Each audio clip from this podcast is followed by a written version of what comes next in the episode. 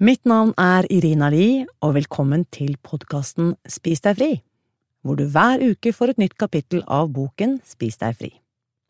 Hvis du vil høre hele boken med en gang, finner du den overalt hvor lydbøker selges, eller på nettsiden spisdegfri.no.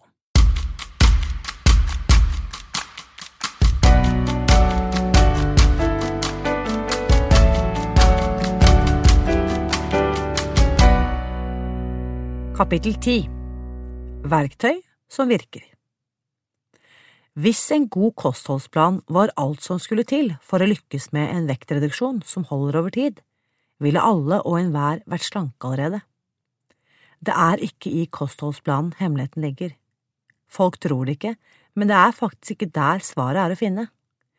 Det som har ført til suksess for tusener av Brightline-tilhengere, er et altomfattende system som strukturerer dagen slik at vi holder oss til kostholdsplanen i måneder og år. Systemet støtter opp og forsvarer oss hele veien. Det holder oss på sporet. Som tidligere forklart er poenget å fremme automatikk og å unngå å provosere de delene av hjernen som vekker sabotøren. Å velge mat som fremmer og opprettholder vektreduksjonen, skjer uanstrengt og automatisk. Etter hvert vil du ikke engang legge merke til at det er det som skjer. Det blir en inngrodd vane. Daglige ritualer Fordelen ved de daglige ritualene jeg kommer til å anbefale på de neste sidene, er at de bidrar til å fremme Brightline-livsstilen. Hvis du er særlig utsatt for fristelsene ved raffinerte matprodukter, har du antagelig lang tid opplevd følelsen av manglende kontroll over det du har puttet inn i kroppen. Ritualene virker sammen med kostholdsplanen, slik at det problemet opphører. De bidrar til å styrke prosessen i hjernen, gjenoppretter din egen følelse av kontroll og legger til rette for suksess. Jeg anbefaler sterkt at du følger opp disse styrkende øvelsene. De spiller en avgjørende rolle på din vei til suksess. Morgenrutiner Det er tre ritualer jeg anbefaler at du legger inn i morgenrutinen din. Det kan hende du må stå opp litt tidligere for å innarbeide dem. Det første er å re opp sengen din. Selv om det høres ut som en selvfølge for mange, virker det som en ny oppvåkning for mange av deltakerne når jeg foreslår det på mine bootcamps. Jeg vet ikke om det har sammenheng med sukkerbakrusen som mange av deltakerne har levd med i årevis, men av en eller annen grunn er vi en gruppe som trenger å bli minnet på å re opp sengene våre. Og når vi først gjør det, starter det dagen på en god måte. Det er en handling basert på respekt for deg selv og hjemmet ditt og det sender straks en melding til hjernen din. Jeg er en som får ting gjort. Jeg er flink. Inspirerende lesning I mange, mange år har jeg satt av litt tid til å lese en inspirerende tekst om morgenen. Det begynte da jeg var blitt avvent og ble rådet til å sitte i ro og lese en daglig meditasjonstekst hver morgen. På den tiden besto morgenritualet mitt i en stor kopp kaffe med masse fløte og sukker, som jeg nippet til mens jeg inhalerte sigarettrøyken og leste dagens budskap i fredfylt selskap med min høyre makt. Mye har skjedd siden da, men de viktigste elementene, minus kaffe og sigarettrøyk, har jeg tatt med meg hele veien videre. Her vil jeg legge til at Bright Line Eating bygger på et agnostisk ståsted i religiøs forstand. Det er ikke ateistisk, bare agnostisk så du kan fritt velge hvilken grad du vil innarbeide et åndelig aspekt i Brightline-programmet ditt.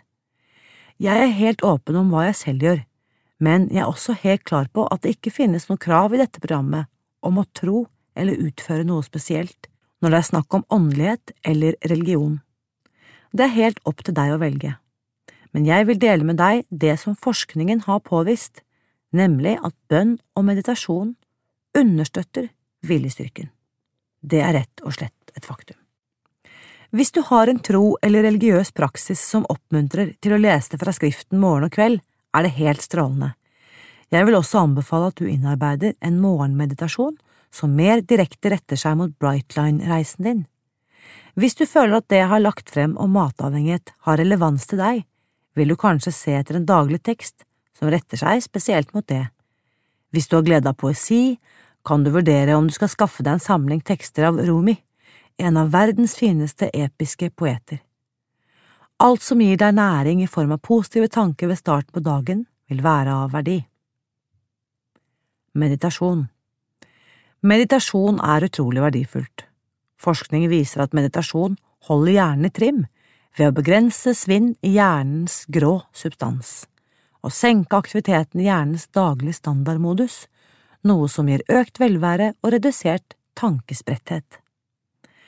Meditasjon er gunstig mot depresjon, angst og smerte, den bedrer konsentrasjonen og oppmerksomheten, og den kan bidra til å dempe avhengighet. Du har sikkert hørt om de bemerkelsesverdige fordelene ved meditasjon. Likevel kan det hende du blir overrumplet ved tanken på å begynne en regelmessig meditasjonspraksis. Det gjorde i hvert fall jeg. I en årrekke gikk jeg med den tanken i bakhodet at jeg burde begynne å meditere, men jeg somlet og utsatte det, helt til en av mine støttespillere viste meg en måte å tenke på ved meditasjon som kjentes mindre skremmende. Hun forklarte at nøkkelen til meditasjon ganske enkelt er å sitte stille. Hun sa, Det spiller ingen rolle om du sitter med bena i kors, eller sitter i en stol, eller sitter i sofaen, eller står på hodet, bare sørg for at du ikke gjør noe. Ingen bevegelse, ingen handling, ingen distraksjoner, ingenting, i 30 minutter. Omsider var jeg villig til å prøve. Hun ba meg stille en tidtagerklokke og bare sitte stille. Det gjorde jeg, og i mange år besto min meditasjonspraksis rett og slett i en stille stund.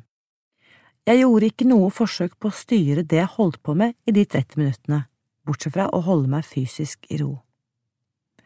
Det jeg nesten umiddelbart oppnådde ved å sette av den halvtimen, var en dyp opplevelse av indre velvære. Jeg kan oppnå min egen indre fred selv om jeg føler meg utilpass, om jeg føler meg syk, om jeg kjenner at jeg er sint, om jeg føler meg skikkelig sulten, om jeg tenker på mat eller kjenner et sug eller en besettelse. Jeg kan sitte der med disse fornemmelsene og bare la dem være og det er noe jeg helt opplagt ikke klarte å gjøre i 2003, da jeg begynte å meditere. Fordelen ved å bare sitte i stillhet er at du lager en liten pause mellom stimuli fra omgivelsene og din respons på dem. Ideelt sett blir det en behagelig pause der og da. I løpet av denne pausen får du muligheten til å velge din egen respons, i motsetning til bare å reagere. Tro du meg, det forandrer livet. Et par ord om sittestilling. Jeg er selv ikke fleksibel nok til å sitte i lotusstilling. Jeg har kroniske ryggplager, og selv det å sitte med beina i kors i flere minutter gir meg smerter øverst i ryggen, så i mange år satt jeg i en stol. Men da tvillingene ble født, opplevde jeg at med kroppen godt støttet opp i stolen, pleide jeg å sovne mens jeg satt der. Til mitt selvforsvar skal jeg nevne at jeg trofast fulgte opp min daglige praksis ved å stille opp hver morgen og sove i stolen. Det var så forutsigbart at jeg til og med la det inn i planen min om kvelden. La meg se, jeg slukker lyset klokken 22 og setter vekkerklokken på fem. Det gir meg sju timers søvn i natt, men jeg får en halvtime ekstra under meditasjonen i morgen tidlig, så det blir sju og en halv time. Jeg prøvde å finne andre løsninger, som å ta i bruk forskjellige stoler og andre sittestillinger, men uansett hva jeg prøvde, endte det med at jeg falt i søvn under morgenmeditasjonen, inntil jeg fant en meditasjonsbenk. Jeg elsker meditasjonsbenken min. Det er en lav, polstret, skråstilt benk som støtter kroppsvekten når du kneler ned på gulvet. Den avlaster ryggen min på en utrolig fin måte fordi den tvinger bekkenet i en skråstilling, i akkurat riktig vinkel for at ryggsøylen kan hvile perfekt på sitteknokene. Benken min har sammenleggbare ben, så jeg kan ta den med på reiser, og reise med den gjør jeg stadig. En fullstendig revolusjon i praksis. Jeg har ikke sovnet under morgenmeditasjon på mange år. Når det gjelder pusten, pleier jeg ikke å tvinge meg selv til å utføre spesielle pusteøvelser, men jeg er åpen for det og oppmuntrer deg til å utforske hvilke meditasjonsapper eller lydfiler eller pusteteknikker eller mantraer som kan fungere for deg. Hvis du er ny når det gjelder meditasjon, kan du finne mange gode tips på nettet. Det er en million måter å meditere på, og etter mitt syn fører alle stiene i riktig retning. Hvis du etter å ha lest dette avsnittet fortsatt er skeptisk til å begynne med en meditasjonspraksis, bør du absolutt gjøre et søk på nettet og velge deg et enkelt oppstartsprogram. Det finnes veldig, veldig enkle måter å starte på, og det er mer enn verdt innsatsen. Du trenger heller ikke å starte med 30 minutter. Hvis det virker uoppnåelig, starter du med å sette av en tidsramme som virker gjennomførbar, selv om det er to minutter, og bygge videre opp derfra. Hvis du mediterer i to minutter i morgen tidlig og legger til ett minutt for hver dag deretter, kommer du opp i 30 minutter i løpet av en måned. Og 30 minutter trenger heller ikke å være målet.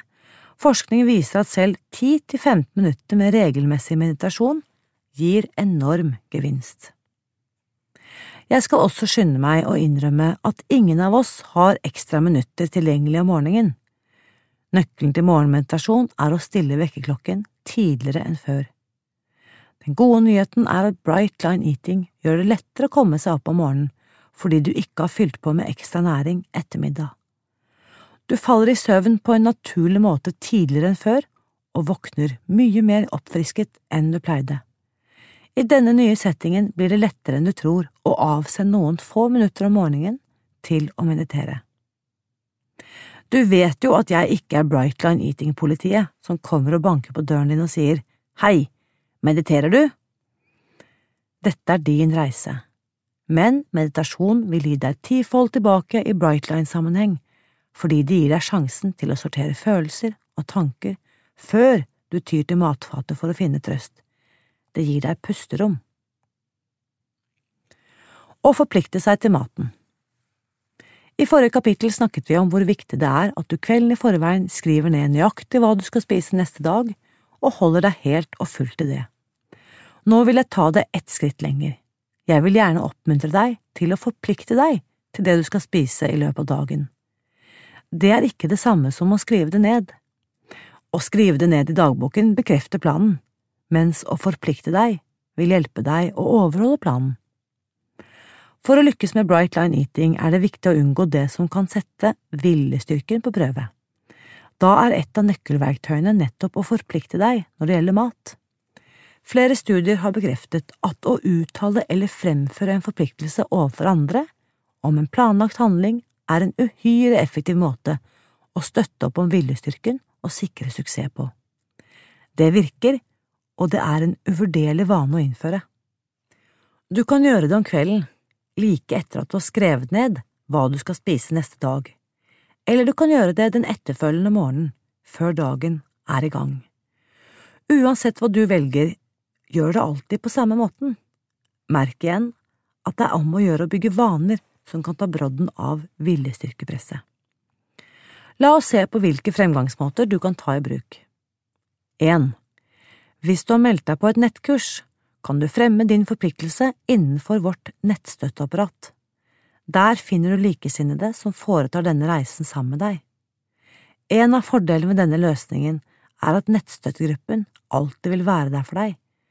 De kommer ikke til å overhøre telefonen når du ringer. De kommer ikke til å forlate programmet. De er der for alltid, så du kan stole på denne plattformen som et sted der du kan forplikte deg til matplanen. Du kan lese mer om våre kurs på nettsiden www.spisdegfri.no kurs. To. Den andre måten er å forplikte deg personlig ved å informere en person du kjenner. Fordelen med denne metoden er at du vet at en bestemt person er innviet i opplegget ditt, og som du føler ansvar overfor. Det vil kjennes veldig tilfredsstillende å kunne fortelle denne personen neste dag at du har holdt fast ved forpliktelsen det er en sterk og effektiv form for kontakt. 3. Den tredje måten er å forplikte deg til maten overfor deg selv eller overfor Gud, og lage et ritual rundt denne handlingen. Hvis du er en troende person, kan du legge deg på kne og lese matplanen din høyt mens du sier Kjære Gud, jeg forplikter meg til å spise bare denne maten og ingenting annet i morgen. Eller hvis du har tro på og velger å forholde deg til det beste i deg selv, kan du lese matplanen din høyt og erklære høyt og tydelig overfor deg selv. Jeg forplikter meg overfor mitt høyere jeg til å spise bare denne maten og ingenting annet i morgen. Den eneste ulempen ved å forplikte deg overfor deg selv eller overfor Gud er at løftet ikke blir gjort kjent for andre. Igjen viser forskning at å forplikte seg offentlig, enten til en annen person eller til en annen gruppe mennesker som vårt nettstøtteapparat, er veldig, veldig effektivt. Derfor oppfordrer jeg deg til å velge den metoden som kjennes mest naturlig for deg, og holde deg til den. Igjen er det konsekvens som er nøkkelen. Til slutt vil jeg foreslå at du ikke benytter flere metoder samtidig. Å holde seg til én metode er best. Grunnen er at hvis du forplikter deg både overfor en venn og poster det på nettet, kan det hende du føler deg bare halvveis forpliktet hvis du en dag ikke klarer å gjennomføre det begge steder. Du ønsker ikke å sette deg selv i den situasjonen. Selv forpliktet jeg meg overfor maten hver eneste dag de første par årene jeg holdt på med Bright Line Eating. Det gjør jeg ikke lenger. Mest sannsynlig vil du også finne ut at du ikke trenger å holde på med det i all evighet. Men vær forsiktig så du ikke hopper over dette for tidlig. Det tok meg flere år å komme dit hen at jeg kunne stole på meg selv nok til å holde meg til matplanen min, dag ut og dag inn, uten å forplikte meg ikke bare måneder, men år. Derfor oppmuntrer jeg deg til å finne en måte å forplikte deg på når det gjelder ditt forhold til maten. Begynn med det, gjør det til en vane og se hva som skjer. Det kommer til å tjene deg godt. Kveldsrutiner Den viktigste kveldsrutinen du bør innarbeide når du starter opp en Bright Line Eating, er å skrive ned det du skal spise neste dag, i den lille matdagboken din ved siden av kjøleskapet. Gjør det rett etter middag. Hvis du foretrekker å fremføre forpliktelsen din om kvelden, gjør du det nå, for neste dags matplan. Etterpå kan du slappe av og vite at det viktigste for morgendagen allerede er fastlagt. Den eneste oppgaven for neste dag blir å spise akkurat det du skal, og bare det du har skrevet ned. Det er det hele. Ingen avgjørelser å ta på sparket, ingen forhandlinger når du er trett og sårbar for viljestyrkefeilen kun en forpliktelse til å spise det du bestemte da du var avslappet og mett. Når du er i seng, men før du slukker lyset, tar du frem takknemlighetsdagboken din og reflekterer litt over dagen som har gått. Hvis du aldri har hatt en takknemlighetsdagbok, anbefaler jeg at du starter med en øvelse som kalles Tre gode ting. Den virker kort og godt slik. Hver kveld skriver du ned tre ting som gikk bra den dagen, og litt om hvorfor de gikk bra. Det er en enkel øvelse, men virker utrolig sterkt. Den virker fordi den endrer fokuset ditt. Vi har så lett for å henge oss opp i det som går galt i livet vårt, en form for tilpasningsøvelse som opprinnelig hjalp oss å sikre plassen vår på toppen av næringskjeden. Men i våre dager kan det å dvele ved det negative gjøre oss ulykkelige. Professor i psykologi ved Pennsylvania-universitetet og forfatter av boken Flourish, som betyr blomstring, i tillegg til øvrige meritter, dr. Martin Seligman, forklarer det slik. Folk som er takknemlige, er ofte lykkeligere, friskere og mer fornøyd. Å kjenne takknemlighet kan hjelpe folk å takle stress, og kan også ha en gunstig effekt på hjerterytmen. I tester viste det seg at personer som prøvde det hver kveld i løpet av kun en uke, var lykkeligere og mindre deprimert én måned, tre måneder og seks måneder senere. De tre tingene trenger ikke være store og viktige. Det kan være noe så enkelt som Jeg veide og målte frokostmaten min. Jeg opplevde at den smakte deilig. Det var nok mat. Så kan du utforske hvorfor det opplevdes som bra. Hvorfor var det bra å veie og måle maten din, og å spise et tilfredsstillende frokostmåltid? Kanskje fordi du faktisk satte av tid til å veie og måle maten, og dermed innser at du endelig er i gang med å ta vare på deg selv. Eller det kan hende det føltes som nok mat for første gang i dag, fordi kroppen akklimatiserer seg som følge av de gode handlingene du utførte i går og dagen før. Det er det jeg mener med hvorfor. Hva kan forklare at den gode tingen fant sted? Hva har du gjort, nå eller tidligere, som resulterte i den gode tingen du skrev ned, og som hendte livet ditt? Det neste trinnet er å oppsummere dagen din i femårsdagboken. Der har du bare en håndfull linjer å skrive på, så det tar ikke lang tid. Men stol på meg, det å se livet ditt utfolde seg, dag etter dag, år etter år, er en utrolig verdifull og tilfredsstillende øvelse. Du vil kanskje avslutte dagen med enda en åndelig berikende eller inspirerende lesning som kan fremme en god sinnstilstand før nattens søvn, men det er opp til deg.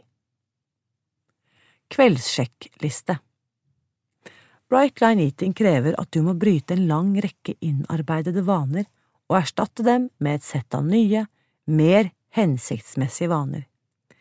For å klare å opprette, styre og sementere denne nye livsstilen har vi opprettet en sjekkliste til bruk om kvelden. Den lister opp handlingene våre, fra det å skrive ned neste dags matplan kvelden før, og det å re opp sengen om morgenen, til det å utarbeide takknemlighetslisten. Alt det som er involvert når målet er å leve lykkelig, slank og fri for resten av livet. Jeg har utarbeidet et eksempel på en sjekkliste bak i boken, og på nettet kan du laste ned et skjema som du kan bruke for å utarbeide din egen liste. Du finner mer informasjon om dette på nettsiden vår www.spisdegfri.no skråstrek lydbok. Jeg er helt forberedt på at du kommer til å justere den, for det er et levende, pustende, flytende dokument som må tilpasses til den enkelte, pluss at den vil endre seg fra måned til måned. Jeg endrer min som regel minst hver tredje uke. Skjemaet her er bare et forslag og et startpunkt. Grunnen til at du trenger å endre på sjekklisten din, er at du må være sikker på at den reflekterer det du faktisk forplikter deg til, og de områdene du ønsker å overvåke. Derfor vil det være direkte mot sin hensikt å ha med noe du skulle ønske du gjorde, men faktisk ikke gjør. Min erfaring er at folk slutter å bruke kveldssjekklisten nettopp fordi de bruker den feil. Den skal ikke reflektere det du burde gjøre, eller det du skulle ønske du kunne gjøre. Den skal vise det du faktisk har forpliktet deg til å gjøre, her og nå, og som resulterer i handling. Hvis du kun skriver ned neste dags mat kvelden før, holder deg til dine bright lines hver dag og gå tur med hunden, da har du tre ting på sjekklisten din. Det er helt greit. I det øyeblikket du kjenner ropet fra ditt indre som sier Men vent litt, jeg vil lage en takknemlighetsliste hver kveld, da bør det også settes inn på sjekklisten din. Listen kommer til å vokse og endre seg, så juster den ofte. Det kan også hende du vil endre på opplysningen om veiemåten du har valgt. Hvis du veier deg ukentlig istedenfor daglig, kan du på den ukentlige veiedagen for eksempel skrive Jeg veide meg én gang, og bare én gang i dag. Her står vekten oppgitt. Her er endringen fra forrige uke. På alle andre dager skriver du Jeg avsto fra veiing i dag og gikk ikke på vekten. På slutten av kveldssjekklisten vil du se et punkt om å sørge for nok søvn. Også der kan du endre på det som er oppført, hvis sju til åtte timers søvn ikke er det antallet timer du trenger å sove, eller om nok søvn ikke er noe du trenger å bli minnet på. Da kan du ta det vekk. Jeg vil at listen skal være en god veileder for deg og gjenspeile det du har forpliktet deg til. Når du bruker kveldssjekklisten jevnlig, vil den være et effektivt verktøy til å hjelpe deg å nå nye mål i livet. La meg gi deg et eksempel. For noen år siden fikk jeg to bøter for fartsovertredelse, tett etter hverandre, og syntes det var både kostbart og utrolig flaut.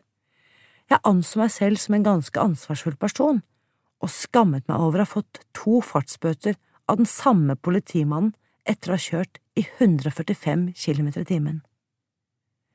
I kveldssjekklisten min la jeg til I dag kjørte jeg ikke mer enn åtte kilometer over fartsgrensen. Det lot jeg stå der helt til det ble en inngrodd vane å kjøre saktere og mer kontrollert. Nå har jeg kunnet ta det vekk. Jeg foreslår at du kjøper en arkholder til den nyeste kveldssjekklisten og har den liggende ved siden av sengen, på nattbordet eller i en nattbordskuff. Uansett bør du innarbeide vanen med å notere alle de sedvanlige tingene du foretar deg i løpet av dagen, før du tørner inn. Forskning viser at vi oftere utfører flere av de tingene vi ønsker å gjøre, hvis vi registrerer og ser svart på hvitt om vi har eller ikke har fått utført dem. Nå for tiden fører jeg kveldssjekklisten min elektronisk, men i de årene jeg gjorde det på papir, krysset jeg av i ruten når jeg hadde fullført noe. Når jeg ikke hadde gjort det, satte jeg en sirkel rundt hele firkanten. Dermed kunne jeg se med ett blikk om uken min hadde holdt seg på sporet i henhold til Bright Line Eating-reisen min. Handlingsplan for nødsituasjoner Denne handlingsplanen består av et sett verktøy for bruk i nødsituasjoner. Det er ikke noe som erstatter gode vaner, det jeg kaller hvis-da-vaner. For eksempel, Hvis jeg er ute blant folk og blir grepet av lysten til å spise det som andre spiser, da unnskylder jeg meg og går på toalettet og aktiviserer handlingsplanen min for nødsituasjoner. Du kommer til å trenge den spesielt i begynnelsen, for det er sannsynlig at trangen til å spise noe som ikke er inkludert i kostplanen din, vil dukke opp. Kanskje hver time, kanskje hver dag, kanskje bare en gang iblant. Men selv om det skjer hvert mikrosekund, ikke vær redd, vi er med deg. Det er fem ting som forskningen har vist kan bidra til å motstå fristelser i øyeblikket. De støtter opp om viljestyrken og får deg tilbake på sporet. 1. Sosialt støtteapparat Det første og mest effektive verktøyet er menneskelig kontakt. Så hvis du har en venn eller buddy som du kan ringe eller tekste til, er det aller best. Menneskelig kontakt er også tilgjengelig i vårt nettbaserte støtteapparat. Du kan alltid poste noe veldig raskt fra en restaurant eller et selskap. Det trenger ikke være langt for å være effektivt, bare en kort, oppriktig forespørsel om hjelp. Hei, jeg strever veldig her, er i selskap. Maten frister meg, men jeg forplikter meg overfor dere alle til ikke å spise noe av den. Du kan sende en sånn melding og vite at kjærlig oppmerksomhet og støtte strømmer mot deg. Og når du kommer hjem sent på kvelden, kan du lese alle kommentarer og støttende meldinger som andre har postet i retur. Det er en flott måte å følge fellesskap på. På min Brightline Eating-reise har det sosiale støtteapparatet vært det mest effektive verktøyet for å holde meg på sporet. Men jeg er ekstremt utadvendt og scorer ti på mottagelighetsskalaen. Du finner kanskje ut at du kan klare deg uten å ha hundrevis av støttende personer i ryggen til enhver tid. Finn det støttenivået som fungerer for deg. Flere er vanligvis bedre. Bruk alle sammen. Bruk dem for alt de er verdt. Gjør det til en vane å poste på Nettstøttesamfunnet, eller ring eller send en tekstmelding til en venn når matsuget slår til. Flere deltakere i Bright Line Eating har gitt støtteapparatet i vårt nattsamfunn æren for å ha vært faktor nummer én i det som har bidratt til suksess. Du er ikke alene i dette opplegget. Det er bokstavelig talt tusenvis av mennesker som vandrer på denne veien sammen med deg. Slå deg i lag med oss. To. Bønn Den andre metoden som ifølge forskning kan fornye og støtte viljestyrken, er bønn. Så hvis du er en som pleier å be, er det gode nyheter for deg. For all del, be. Trekk deg tilbake fra situasjonen, gå på toalettet eller badet eller hvor du kan, for å tilbringe en liten stund i bønn til Gud om å fri deg fra fristelsen. Be Gud om å gi deg styrke. Si frem den bønnen du er fortrolig med, bare sitt en stund og be om hjelp. Så kan du få se hvordan du kommer gjennom resten av dagen uten å spore av fra planen din. Det er sterkt. Tre. Meditasjon Om du befinner deg i selskap eller på restaurant, kan du alltid unnskylde deg og gå på badet eller toalettet Sett deg ned der inne, pust dypt inn noen ganger, og bare la sinn og kropp roe seg ned en stund. Det finnes flere nettbaserte verktøy der du blir ledet gjennom noen dype pusteøvelser. Bare fem minutters meditasjon er nok til å lade opp viljestyrken din. Fire.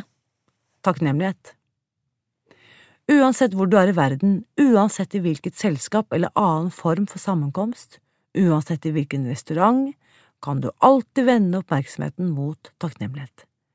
Du kan rable ned en kjapp takknemlighetsliste på baksiden av en kvittering. Du kan skrive det inn på smarttelefonen din, du kan forme det inni deg. Du kan hviske det til en venn. Det er merkverdig hvordan det å vende tankene mot takknemlighet gjør det lettere å motstå fristelser. Fem. Gjør service. Til sist, når du slutter å tenke på deg selv og vender oppmerksomheten mot andre, er det lettere å la være å fokusere på det som bare gjelder deg. Begynn å gjøre folk tjenester. Matavhengighet er et fenomen som kan virke isolerende, sneversynt, selvopptatt og mentalt forflatende. Tjenester rettet mot andre virker helt motsatt. Definisjonen av service kan være alt fra å gjøre noe hyggelig eller noe som er til hjelp for en annen, fra å gi noen en kompliment eller et smil, til å slutte seg til en serviceorganisasjon i nærområdet. I et gitt øyeblikk i en restaurant eller et selskap kan du venne deg til personen som sitter ved siden av deg, eller til en som sitter alene, og starte en samtale. Du kan leke med barn, samle sammen tallerkener, stille spørsmål, vise interesse for andre, være til stede for dem. I en tiårsperiode gjorde jeg folk i nærmiljøet en tjeneste ved å hjelpe dem til å oppdage og følge denne måten å spise på. Klokken 05.30 hver morgen, etter morgenmeditasjonen min, tok jeg imot telefonhenvendelser fra folk som hadde bedt meg om hjelp, 15 minutter per samtale, på rekke og rad. Jeg veiledet dem under vektreduksjonen og lyttet til matforpliktelsene de hadde satt opp for dagen. Denne servicen hjalp nok dem, men jeg tror den hjalp meg minst like mye. De gjorde at jeg startet dagen fylt av takknemlighet og en følelse av samhørighet. De minnet meg også på at til tross for de mørke stundene og utfordringene jeg har opplevd, er jeg til nytte for andre. Å kjenne på den selvtilliten og det formålet livet mens du jobber med å bli kvitt overvekten din, er helt uvurderlig. Så se deg om i nærmiljøet ditt, jeg er sikker på at det er mange som har behov for hjelp. Se om det du har å tilby, kan passe for dem. Derfor, samhørighet med andre mennesker, bønn, meditasjon, takknemlighet og tjenestevillighet er fem strategier for å unngå fristelser i nødsituasjoner. Det er dessuten en sjette strategi som lar seg utnytte helt ubegrenset – distraksjon. Gå en tur, ta et bad, sett i gang med et strikketøy eller legg et puslespill. Noen har erfart at når de føler trang til å spise, er det en god trøst i å forberede neste dags helsebringende mat. Andre trenger å holde seg helt borte fra kjøkkenet. Hva du velger er opp til deg, men finn din måte å distrahere deg selv på. Kanskje det er lurt å pusse tennene eller bruke tanntråd. Ofte kan restsmaken av mynte i munnen etter tannpuss og munnskylling være nok til at lysten til å spise blir borte. Det er et bra triks. Lag deg på forhånd en liste over ting som kan tjene til å distrahere deg fra tanken på spising. Til slutt vil jeg oppmuntre deg til å skrive ned handlingsplanen din for nødsituasjoner, men de trinnene du planlegger å følge, i riktig rekkefølge. Øverst skriver du Før jeg avviker fra kostplanen min, forplikter jeg meg til å ta følgende forholdsregler. Sørg for at det er minst fem ting der som du faktisk forplikter deg til å gjennomføre, og ha arket med deg til enhver tid. Hvis du har en smarttelefon, kan du ha tilgang til din egen handlingsplan for nødsituasjoner overalt. Mastermind-grupper og buddyer En mastermind-gruppe er en liten gruppe, ideelt sett fire personer, som kommer sammen en gang i uken for å støtte hverandre, utveksle ideer, holde hverandre ansvarlige og vokse seg sammen på den reisen som Bright Line Eating er. Jeg tror begrepet mastermind-gruppe første gang ble kjent i Napoleon Hills klassiker Think and Grow Rich, som kom ut i 1937. Siden da har mastermind-grupper blitt veldig populære, spesielt innen næringslivet. Da jeg trakk meg fra tolvtrinnsprogrammet for matavhengige en tid tilbake, var jeg fra første stund klar over at uten sammenkomster med personlig fremmøte, sponsorer og ansvarlighetsvitner ville det være stor risiko for at avhengigheten min ville blomstre opp igjen, så jeg dannet en mastermind-gruppe. Vi kaller oss The Magnificent Mavens Mastermind Group, eller Superkjennernes mastermind-gruppe, og kommer sammen i 90 minutter hver uke via telefon og en gratis telefonkonferanselinje. Hver enkelt av oss får en fastsatt tid til å dele og motta støtte og tilbakemelding. Nedenfor kan du se hvordan den ukentlige telefonkonferansen er lagt opp. Merk at mastermind-konferansen ikke er beregnet på alminnelig koseprat. Verdien av slike samtaler blir tidoblet hvis du og dine partnere legger opp en samtalestruktur som denne eller en tilsvarende, og holder dere til den. Vår gruppe møtes fortsatt ukentlig, og vi er utrolig sterkt forpliktet til å støtte hverandre videre på denne ferden. Mine kjennere beriker livet mitt enormt. Jeg kan ikke sterkt nok anbefale en mastermind-gruppe. Hvis du klarer å samle tre andre som har forpliktet seg like sterkt som du har til denne livsstilen, vil du oppleve støtte og ankerfeste for hvert trinn på veien. Det er helt uvurderlig. Om du ikke klarer å finne tre deltakere, skaff deg én person som kan støtte deg. Vi kaller denne personen en buddy. En buddy er en du kan forplikte deg overfor når det gjelder maten, og som du kan ringe til i en nødsituasjon. Mange deltakere i Brightline-samfunnet har funnet det nyttig å ha både en mastermind-gruppe og en buddy. Jo mer støtte, dess bedre. Telefonkonferanse for mastermind-gruppe 90 minutter, fire personer. Du finner også dette skjemaet på vår nettside www.spisdegfri.no skråstrek lydbok. Punkt 1. Ønsk hverandre velkommen. Fire minutter. 2. Gruppeleder spør hvem som ønsker å snakke først, som nummer to, nummer tre og nummer fire den dagen. Ett minutt. 3. Åpningsrunde. Gruppeleder ber hver deltaker fullføre følgende utsagn. Ti minutter. A. Akkurat nå føler jeg B. Min seier denne siste uken var C. Min forpliktelse fra forrige uke førte til 4. Gruppeleder stiller en tidtagerklokke på 16 minutter, og første deltaker bruker den tiden til å beskrive hvordan vedkommende har det diskutere eventuelle strevsomme eller utfordrende situasjoner og få støtte fra de andre deltakerne. Å dele i ti minutter og sette av seks minutter til tilbakemeldinger og støtte er en god ordning. Når tidtagersignalet høres, er det neste deltakers tur. 64 minutter. 5. Avsluttende runde. Gruppeleder ber hver deltaker fullføre følgende utsagn. Åtte minutter. A. Mitt utbytte fra denne ukens samtale er B. Denne uken forplikter jeg meg til å En deltaker skriver ned disse forpliktelsene og tar vare på dem til etterfølgende uke. Ellers kan det lett skje at folk glemmer. 6. Timeplan Sørg for at alle kan delta på det vanlige møtetidspunktet den følgende uken, eller finn et alternativ. Velg gruppeleder for etterfølgende uke tre minutter. Hvis du ikke klarer å finne noen i nærmiljøet som deltar i Bright Line Eating-programmet, kan du sjekke nettsiden vår og vurdere om du vil delta på et nettkurs. Det er dessuten et perfekt sted å komme i kontakt med personer som kan gå sammen med deg i en mastermind-gruppe.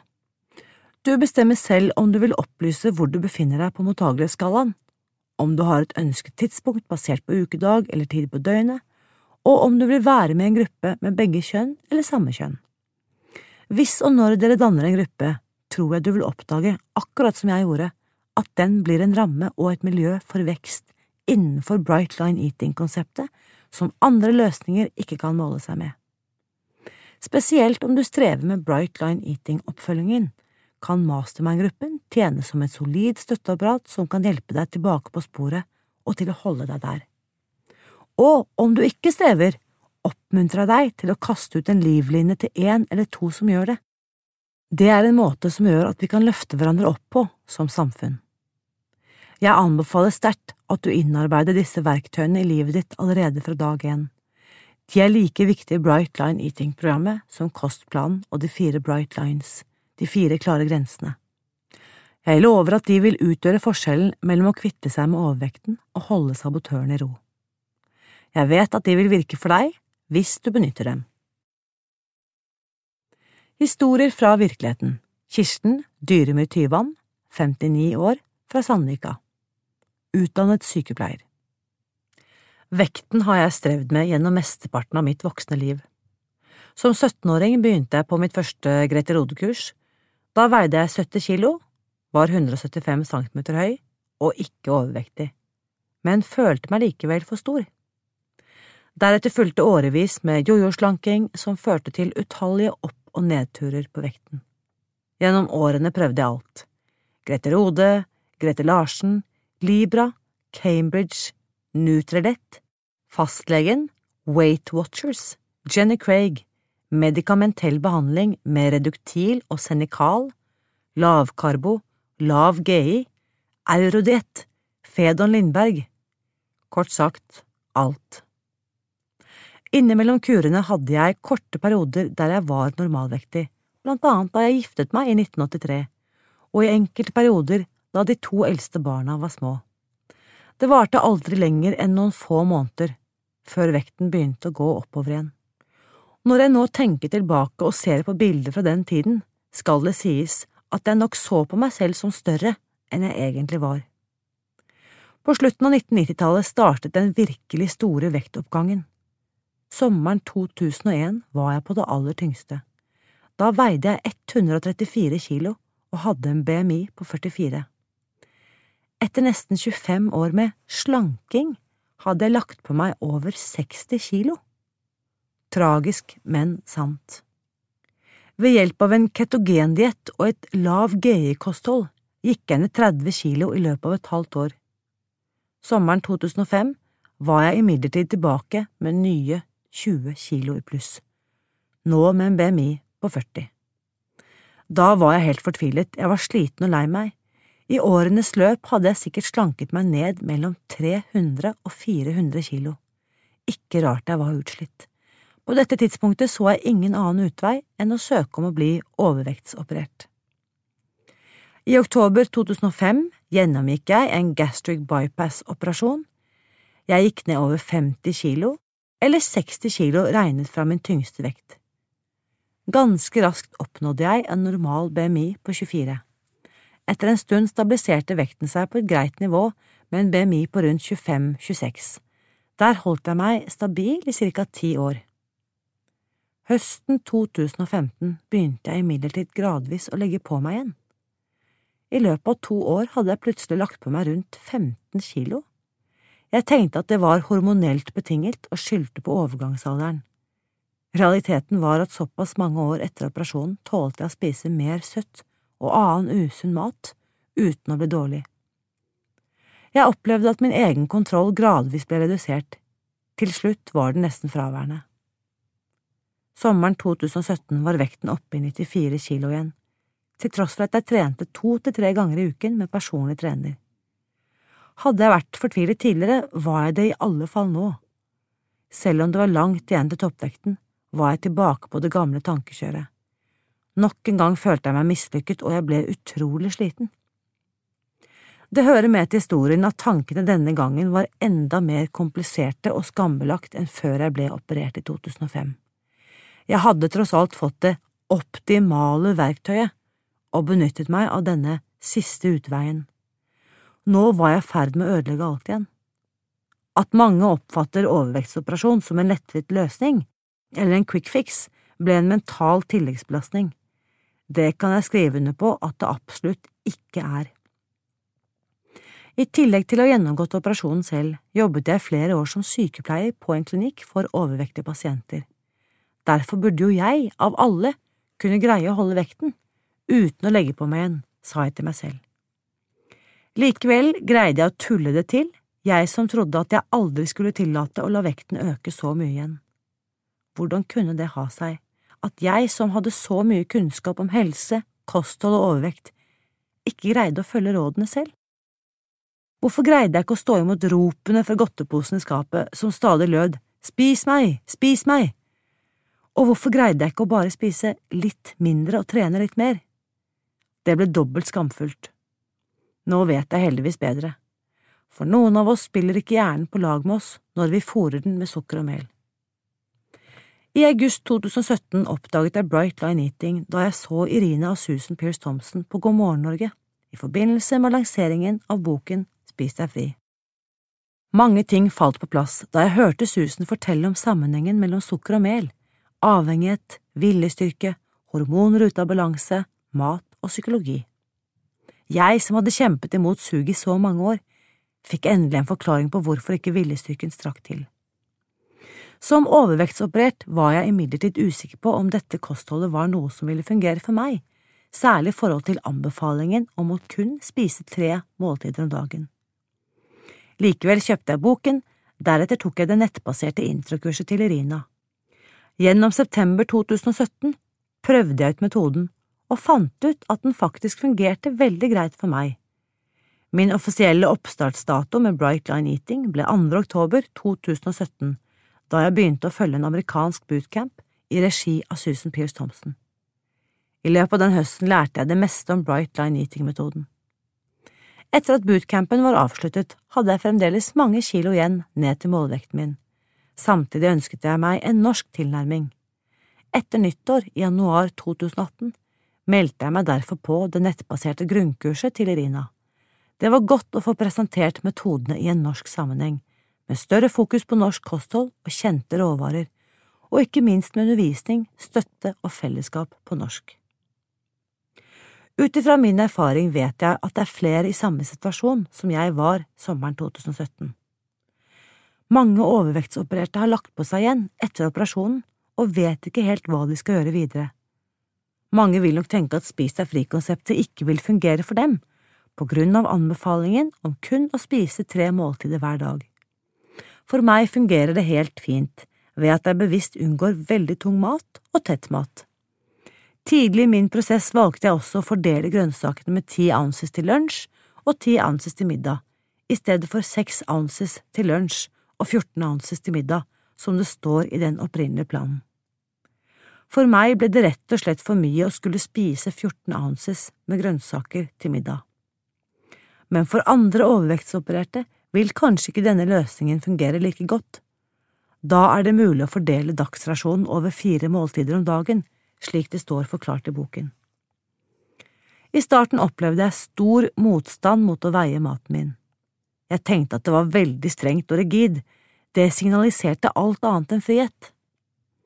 Etter hvert som jeg lærte meg nye vaner og tok i bruk de nye verktøyene som følger med metoden, ble det helt automatisk å bruke matvekten når jeg er hjemme. I dag opplever jeg at matvekten gir meg en stor frihetsfølelse. Jeg vet at jeg får i meg nok næring og riktig mengde mat. I tillegg bruker jeg matdagboken hver eneste dag. Hver kveld planlegger jeg og skriver ned hva jeg skal spise til de tre måltidene dagen derpå. Det frigjør mye energi, og det hindrer impulsspising. Alt er planlagt på forhånd, og jeg vet at det kun er disse mengdene, verken mer eller mindre, som jeg skal spise neste dag. Jeg er kvitt sukkersuget, tankekjøret og ikke minst all selvfordømmelsen og nedsnakkingen av meg selv. Jeg opplever fred rundt maten, mestring i hverdagen, ro i hodet, adskillig mindre magetrøbbel og ikke minst en mye bedre søvnkvalitet. I månedsskiftet mai–juni 2018 nådde jeg målvekten min. Gjennom sommeren jobbet jeg meg gradvis over på planen for vedlikehold. Siden oktober 2017 har jeg gått ned over 26 kilo og har i dag en BMI på 22,4. Jeg er endelig i min right size body og har troen på at her skal jeg greie å være resten av livet. Bright Line Eating og Spis deg fri-konseptet er ikke en diett. Det er en ny måte å tenke mat, kosthold måltider og livsstil på. Et opplegg for livet, én dag av gangen. Du finner mer informasjon om Susans amerikanske bootcamp på nettsiden www.spisdegfri.no bootcamp. For informasjon om norske nettkurs, sjekk www.spisdegfri.no kurs. Del fire Veikartet å holde kursen. Har du noen spørsmål etter dagens episode? Da vil jeg invitere deg til å bli med på min faste livesending på Facebook-siden Spis deg fri, onsdag klokken ett, hvor du kan få svar på direkten. Helt til slutt, mitt motto er at gode nyheter er skapt for å deles. Du kan bidra ved å abonnere på denne podkasten og dele den med dine venner. Neste episode kommer neste søndag.